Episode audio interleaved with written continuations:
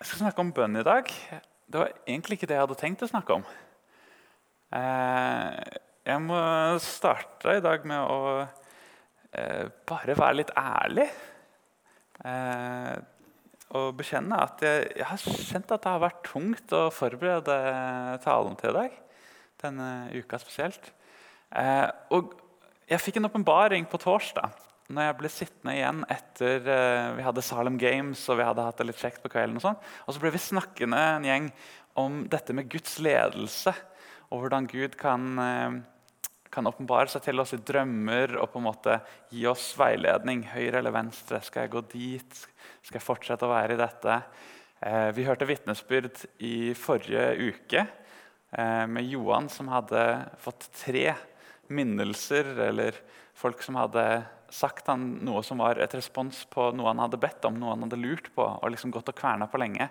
Eh, og hvordan det var virkelig, virkelig oppmuntrende for han å få den Guds tiltale på at ja, men du er på rett plass. Dette er veien du skal gå. Eh, og På torsdag kveld så eh, satt jeg og prata med noen etter det sosiale arrangementet vi hadde. Så snakket vi om dette, og så var det en som sa det at ofte så er det liksom når, når Gud setter opp hindringer, så er det fordi han vil ha oppmerksomheten din. Han vil at nei, det er denne veien du skal gå. Eh, og Det fikk meg til å tenke i etterkant at jeg hadde så vrient med å uh, skrive den der talen, for jeg hadde så lyst til å snakke om fellesskap. Jeg tenkte Starten av et nytt semester, masse nye studenter. Eh, folk er ute etter å finne hvem, vil, hvem kan jeg henge med. Hvor, hvor, kan jeg ha et godt fellesskap? Tenkte, det, det vil jeg snakke om. Eh, men så skjønte jeg at oi, det var kanskje ikke helt det Gud hadde på hjertet. Eh, så jeg har faktisk måttet jobbe en del eh, denne uka med å bare liksom legge ned hva jeg vil, for å kunne si det Gud vil. Eh, og Det er jo selvfølgelig det, er det jeg ønsker, men ofte så er det liksom vårt, egne, vårt eget hjerte kan gå litt i veien. da. Så jeg ville bare bekjenne det helt til starten, at sånn er det noen ganger. At vi ikke helt liksom catcher hva det er Gud sier. Men så opplevde jeg at jeg fikk noe som jeg skulle dele med dere. Og eh, det er alltid litt, på en måte litt skummelt å starte en plass hvor de aller fleste er ganske kjent. Eh, hvis du ikke er kjent i det terrenget, så er det jo kjempeflott. Da har du mye godt i vente. Men jeg tror vi alle har mye å lære i forhold til temaet bønn. Eh, eller er det noen her som er utlært når det kommer til bønn? Ingen som rekker hendene på det? Ehm, jeg er definitivt ikke utlært når det kommer til eh, bønn. Og det temaet det, det er noe jeg til stadighet må gå på skolebenken for å lære. Eh, ikke bokstavelig sett, altså. Så jeg tenkte jeg skulle dele fra Matteus 6 og fra en ganske kjent bønn. Den, skjært barn har mange navn, som, eh, som fikk høre her. Herrens bønn, Vår Far, Fader vår. Alle mulige sånne ting kan man kalle det. Eh, men først så kan jeg jo si litt om meg sjøl. Til de som eventuelt ikke kjenner meg. og det er sikkert noen. Eh, jeg heter Marius Arntzen. Jeg er 27 år, fra Lillehammer originalt. Og eh, jeg har jobbet som ungdomsleder her i menigheten siden november. Det har vært veldig spennende og veldig lærerikt, og også veldig krevende på mange måter. Når du ikke har erfaring med å på en måte ha den type ansvar. Men det, det er en, et glede og et privilegium å få lov til å, å gjøre den jobben. Da. Spesielt når jeg får lov til å møte eh, så mange flotte unge mennesker. Eh, og få ha sånne samtaler som jeg hadde på torsdag. Det var jo det var en glede. altså. Ja, det var kort om meg. Men vi skal gå litt inn i teksten. Eh, hvis jeg kan få Matteus 6 fra vers 5 opp, så kan dere følge på skjerm. For der, eh, Dette er jo midt i bergpreken, midt i den eh, store talen som Jesus har i Matteusevangeliet. Eh, og så snakker han om dette med bønn. Og så sier han når dere ber, skal dere ikke gjøre som hyklerne. Det er alltid lettest å si hva du ikke skal gjøre. Du skal ikke gjøre som hyklerne. De liker å stå i synagogen og på gatehjørnene og be for å vise seg for folk. Sannelig, jeg sier dere, de har alt fått sin lønn. Jeg snakker noen ganger med folk som eh, Eller si, Jeg liker å utfordre folk på å be på nye måter. Og så er det noen ganger jeg får responsen tilbake. Nei, det, det, Jeg føler meg som en hykler hvis jeg skal be ut ifra en salme, f.eks. Eller hvis jeg skal be eh, på knærne, eller Ikke sant? Og jeg kan, jeg kan forstå det, og jeg, jeg, jeg liker det hjertet at man ønsker å være autentisk. man ønsker å være ekte. Men det å være en hykler det handler om å være en skuespiller for å få anerkjennelse av mennesker. Det du gjør av andre grunner eller i, på, måte, på ditt eget rom, det er ikke hykleri, selv om det kanskje føles uvant. Og jeg tror det, det er veldig sunt å få lov til å prøve nye måter å be på. Så, så det vil være min kanskje første oppmuntring er at prøv å be på nye måter. Og se at du, du kommer til å få vokse utrolig mye på det. Men vi kan komme tilbake til det. Og så står det videre Når du ber, skal du gå inn i rommet ditt og lukke døren og be til din far, som er i det skjulte. Og din far som ser i det skjulte, skal lønne deg. Vi har en far i himmelen som ser i det skjulte, og han skal gi oss lønn når vi kommer til han. Det står i eh, hebreerne at, at vi må komme til Gud med tro. Og at det, han lønner den som kommer til han med tro. Og så står det videre i vers 7.: Når dere ber, skal dere ikke ramse opp ord, slik hedningene gjør. Hedningene var da de, de som ikke var jøder. Men i denne sammenhengen så kan det tolkes litt som de som ikke trodde på den ene sanne Gud, altså skaperguden som Israel trodde på. Fordi Du hadde tre kategorier av mennesker. Du hadde jødene og hedningene.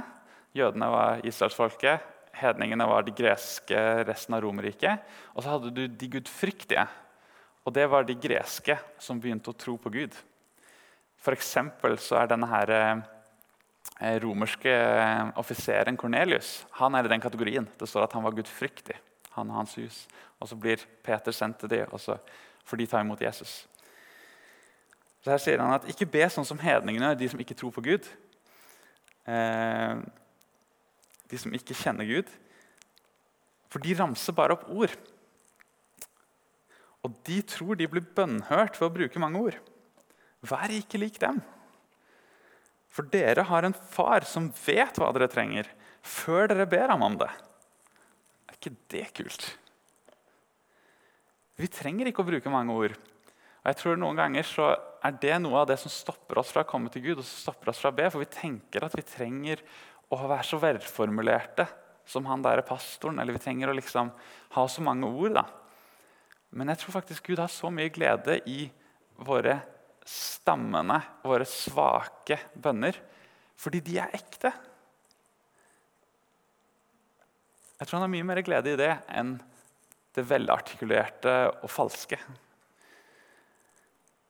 Så vær ikke lik de som er hyklere som ber med å bruke mange fancy ord. Nei, For dere har en far. Han vet hva dere trenger. før dere ber ham om det. Ja, Hvorfor skal vi da be? Hvis han vet? Det virker jo helt meningsløst. Men nei. Det er klart at Gud, han vet alt. Han, eh, han er alle steder, han har all kunnskap, han har all makt. Han trenger ikke å få informasjon av deg og meg. Og Hvis du tror at det er hensikten med bønn, så kommer du alltid til å be litt sånn merkelig. Da kommer du alltid til å måtte liksom ramse opp alt. Fordi du vil ikke glemme, glemme noe, fordi da, da, har du ikke sagt det til Gud. liksom. Men Gud vet jo. Han vet bedre enn deg hva du trenger. Han vet bedre enn deg hva din familie trenger. Han vet bedre enn deg ja, alt. Det er ikke det som er hensikten med bønn. Jeg tror bønnens hensikt er mye mer relasjonen med Gud. For hvis du, hvis du har en eh, Uansett hvilken relasjon, egentlig, men kanskje spesielt hvis du har en kjæreste eller en ektefelle, så kan du gjerne si at ja, men de vet at jeg er glad i meg. Så det trenger jeg ikke å si. Men det, det er jo helt latterlig. sant? Vi alle skjønner at, at, jo, du trenger å si det. det hjelper ikke at du har sagt det én gang. Det handler om å bygge relasjon. På samme måte så Hvis du har gjort noe galt mot, eh, mot en ektefelle, for å ta det som et eksempel, så, tre, så, kan du ikke si nei, de vet at jeg er lei meg. Du trenger ikke å si det. Selvfølgelig trenger du å si det. Og på samme måte så er det litt med Gud at selv om han vet hvor våre hjerter er, så er det godt å si det. Fordi det handler om å bygge den relasjonen med han. Og det handler om å gi hans, eh, hans hjerte mulighet til å, å, møte med ditt hjerte. Og så sier Jesus, 'Slik skal dere da be'. Og så kommer den kjente bønnen som sikkert de aller fleste av oss har en, eh, et forhold til. Jeg har den i 2011-versjonen, så alle de som liker Fader vår uh, Her kommer den nye. Beklager det. Vår Far i himmelen. Tenk det. Har du, har du, tenkt på hvor vilt det er at Jesus sier adresser Gud som far?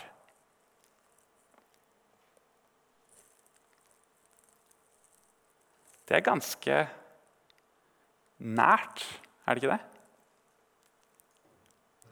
Ikke si liksom 'Å, du store Gud'. Altså, i Muslimene de ber jo 'Gud er stor'. Sant? Det er den derre som muslimene alltid ber. Og det er veldig sant, for så vidt. Men Jesus sier 'adresser Gud som far'. Og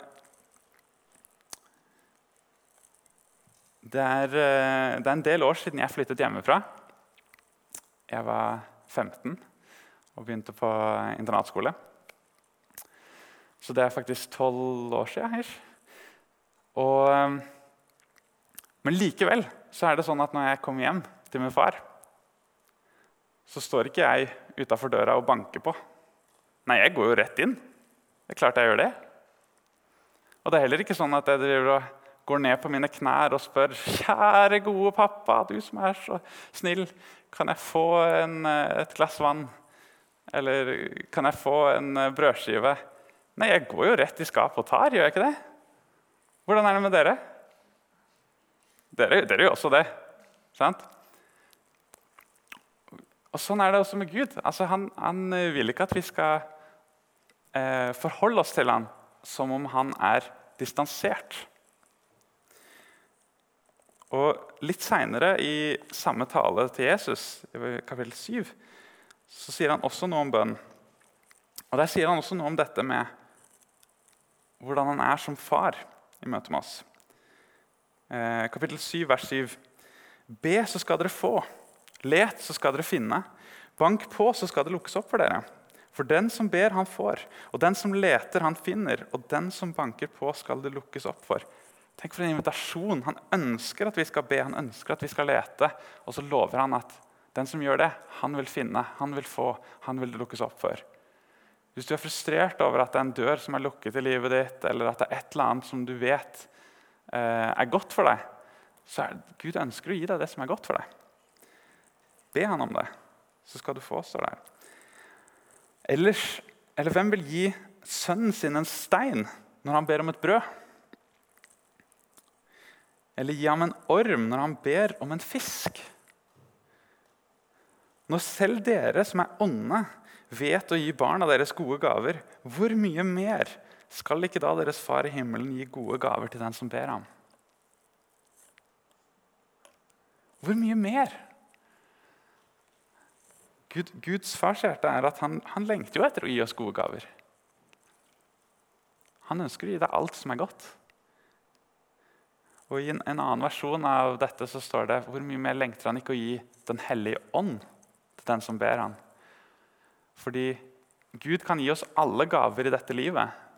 Han kan gi deg på en måte materielle goder, vennskap, eh, kjærlighet. Men hvis han ikke gir seg selv, så har han likevel holdt tilbake. For Gud selv er den største gave. Det er han som er kilden til liv, det er han som eh, er kilden til hensikt i dette livet. Han er sånn en gave. Det å ha fellesskap med Gud det er, det er så livgivende og, og godt. altså. Um,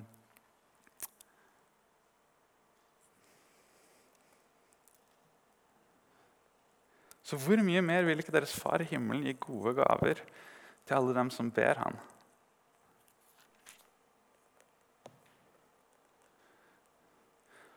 Så kom til Gud med frimodighet, tenker jeg da. Altså, han inviterer oss til å komme til han med frimodighet som far. Akkurat som når jeg løper inn til pappa og rett i kjøleskapet og tar ut det jeg vil ha. Sånn kan jeg komme til Gud. Um, La navnet ditt helliges. Den føler jeg sånn som mange liksom, nesten liksom skipper forbi. Man sier det, men man har egentlig ikke tenkt over hva det betyr. Hellig. Det er et utrolig viktig ord i, i Bibelen. Hvor mange her har vært på, eh, pre, på Prekestolen? Altså fjellet. ikke her. Eh, når du er på Prekestolen Eh, og sikkert resten av dere har kanskje sett et bilde. eller noe sånt. Det er så majestetisk altså, å se utover fjorden som strekker seg helt fra den sida og hele veien innover. Det, det, sånn, det, gir deg en følelse av at dette er majestetisk. Dette er noe, det er helt spesielt. Her har jeg lyst til å være. Og Det er litt den følelsen som er i, i møte med noe som er hellig. Noe som er hellig, betyr noe som er satt til side, noe som er annerledes. Gud, Gud, er mektig. Han sitter på tronen. Og det vi ber om når du ber Fader vår Først så ber du om at du ber til din far. Men så ber du også om at hans navn skal være regnet som hellig. Det vil si at han skal være regnet som stor, som, som konge. I ditt liv, i uh, dette området, La riket ditt komme. Gud er konge, og vi vil at hans rike skal komme her på jord. Hans rike består av kjærlighet, glede, fred. Det består av alt det som, som faktisk er godt. Da. Og vi ser at vi lever i en verden som ikke er preget av Guds rike. Eh, på mange områder ser så mange som, som i urett. Så mange som lider det er ikke slik det var i starten. Når Gud skapte det, så sa han det var så godt. Men det er et resultat av at mennesket har prøvd å gå sin egen vei. Mennesker som du og meg er egoistiske. Vi karrer til oss. Vi som sitter her, vi er antagelig topp 5% av de rikeste i, som noensinne har vært. Det er ganske vilt å tenke på. Da mener jeg selv du som er student og har masse studiegjeld, er antagelig blant de 5% rikeste. liksom. Vi har det så godt, og vi aner ikke. Vi lever som kongene levde før i tida. Du kan kjøpe for en slikk og ingenting i forhold til hva du tjener på en dag. Så kan du kjøpe de lekreste fruktene som er sendt fra andre siden av kloden. Altså, dette er helt utenkelig historisk sett. Men Gud vil at hans rike skal komme, at rettferdighet skal skje. Og så står det videre La viljen din skje på jorden, slik som i himmelen. Guds vilje.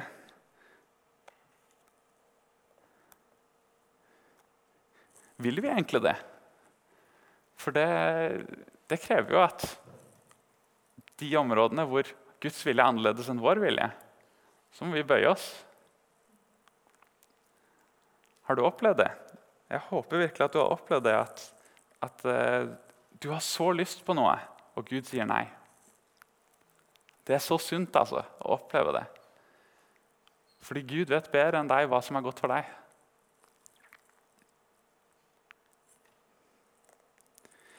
Gi oss i dag vårt daglige brød.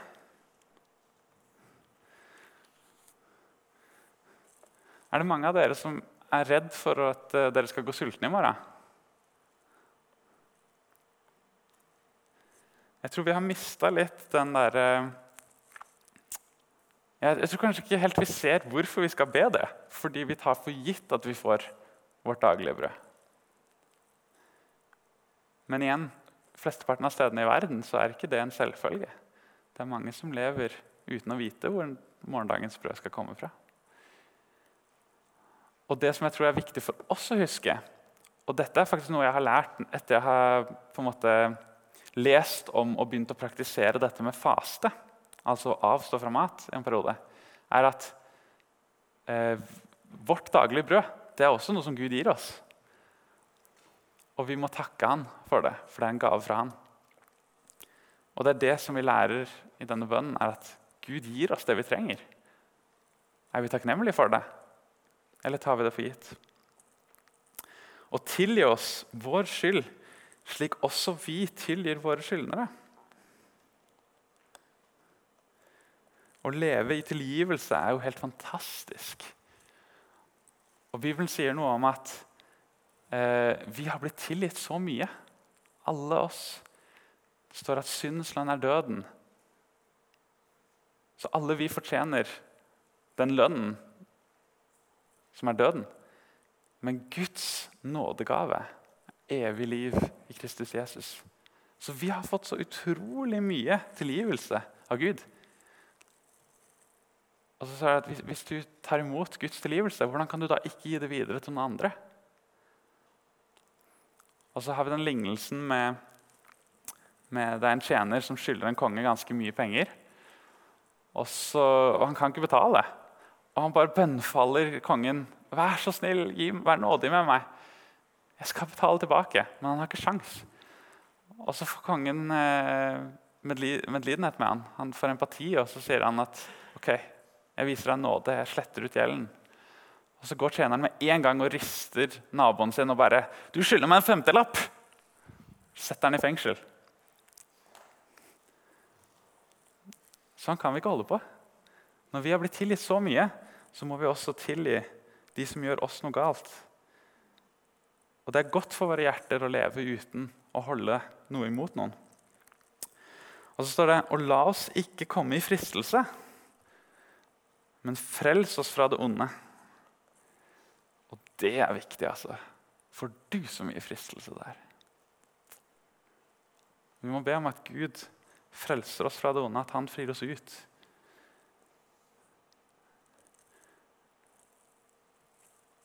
Bibelen sier noe om at, at, eh, det er ikke nødvendigvis slik at Gud frir oss fra å oppleve fristelse.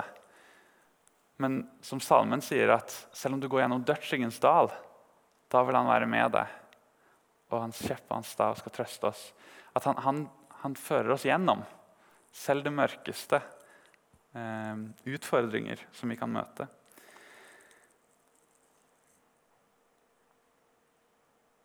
Og så eh, er det noe som ikke fins i de første skriftene, men som antagelig er lagt til ganske tidlig, fordi de begynte å bruke dette som en sånn bønn som de hadde i gudstjenestene i den tidlige kirke.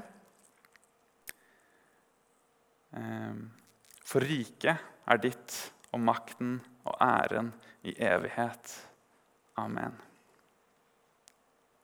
Fantastisk måte å avslutte en bønn på. Og Legger dere merke til strukturen i at starter med Kall Jesus for far. Sant? Den nærheten. Den der tilliten til at jeg kan komme til deg med alt det som ligger meg på hjertet. Og så fortsetter det med tilbedelsen. La ditt navn være hellig. Og også la ditt rike komme, la din vilje skje på jorden som i himmelen. Sant? En opphøyelse av Gud. Han er konge, han er herre, han er hellig. Og Det trenger vi å bli minnet om. Og så kan vi be om det vi trenger. Eh, gi, oss det, gi, oss vårt daglige brød. Gi oss det vi trenger denne dagen. Tilgi oss. Vi trenger tilgivelse. Og la oss ikke komme i fristelse, må du beskytte oss. Så det vi trenger, altså Og nåde, tilgivelse og beskyttelse. Og så avslutter bønnen igjen med tilbedelse. For riket er ditt, og makten og æren i evighet. Amen. Fantastisk eh, god bønn. Og jeg tror ikke det var meningen at vi skulle bare ramse den opp, sånn som vi så ofte gjør. Vi kan gjøre det òg, men jeg tror det er så lett at vi på en måte kobler litt ut. Vet, har dere også merket det? At Det blir bare liksom en ramsing opp av ord noen ganger. Men hva hvis, hva hvis vi kan bruke det som en sånn eh, typebønn? hvis du skjønner? At, eh, at, vi henter hovedelementene, og så legger vi våre egne ord til. Det tror jeg kan være en veldig god ting, for den dekker så utrolig mye. Sant? Å adressere Gud som far. Og opphøye hans navn, altså tilbedelse. Eh, og underlegge seg hans vilje. Og be om det vi trenger, dagligbrødet. Og, og be om tilgivelse, be om nåde. Be om beskyttelse, og så, og så tilbe Gud igjen. Og avslutte der. Så det, det, vil jeg veldig gjerne oppmuntre dere til å, å begynne å be mer sånn. Og så en tanke til slutt. Eh, tenk at vi kan faktisk be til Gud. Han som har skapt alt. Han talte ett ord. Sant? 'Bli lys', og så ble det lys. Tenk at han vil lytte til deg og meg. Han som er så fantastisk, og enda mer fantastisk enn utsikten på, på prekestolen. Han som på en måte har all makt. Det er jo det er helt utrolig for meg altså, at vi kan få lov til å komme til han med åpne hender, med tomme hender. Eh, og vi skal ha nattverd nå. Og det, det, også er på en måte en bønn om nåde. Det er et, et slags symbol om, det, om, dette her. Hvor vi kan komme med tomme hender og be om han, at han skal møte oss. Kjære far.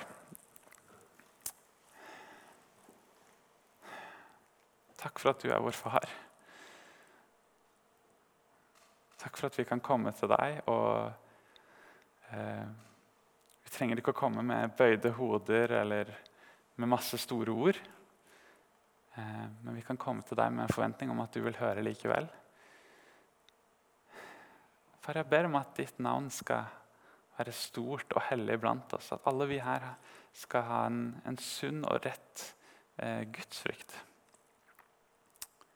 Så ber jeg om at din vilje skal skje i våre liv. At vi skal ta imot ditt rike for vår egen del. Og at vi skal også eh, ønske at ditt rike skal bli virkeliggjort blant oss som fellesskap. Så ber jeg Gud at du må gi hver enkelt her det de trenger eh, den neste uka nå. Du ser ved alle behov, Gud. Om det er noen som eh, har problemer med penger, Gud, så, så ber jeg om at du hjelper dem i det. Og er det noen som sliter med sykdom, ber jeg at du kommer med legedom. Om det er noen som eh, ja, eh, ja, ikke opplever at de har en plass hvor de kan være seg sjøl, eller sliter med å finne et fellesskap, Gud, så ber jeg at du eh, åpner hjerterom blant oss til å være et fellesskap, først og fremst. Eh, men også andre.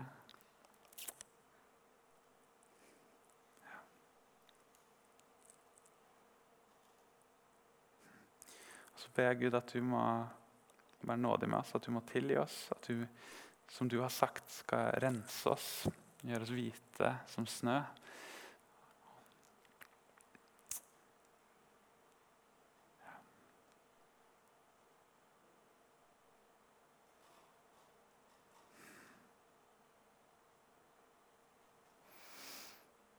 Så må du beskytte oss, Gud. Beskytte oss fra alt. Eh, alle djevelens knep, alle fristelser som kommer vår vei hver eneste dag. Alle um, avguder som prøver å få vår oppmerksomhet.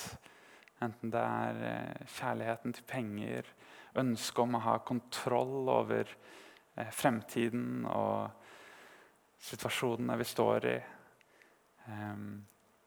Enten det er ja, ønsket om og, og, lengselen etter eh, kjærlighet og anerkjennelse hos mennesker. Hjelp oss å se her at det er du som, eh, som tilfredsstiller oss. din kjærlighet. Du kjenner oss fullt ut, og likevel så elsker du oss. Du vet hver eneste svakhet, hver eneste dumme ting hver enkelt en i denne salen har gjort. Og likevel så sendte du din sønn til å dø på et kors for de som en kjærlighetserklæring, som en invitasjon til å komme nær. Og ikke bare det. Du eh, kaller oss dine egne barn og sender oss ut i verden med et ærefullt oppdrag fra deg, vår konge. Ja, for du eh, for Hos deg tilhører makten og æren og alt. Alt tilhører deg, Gud.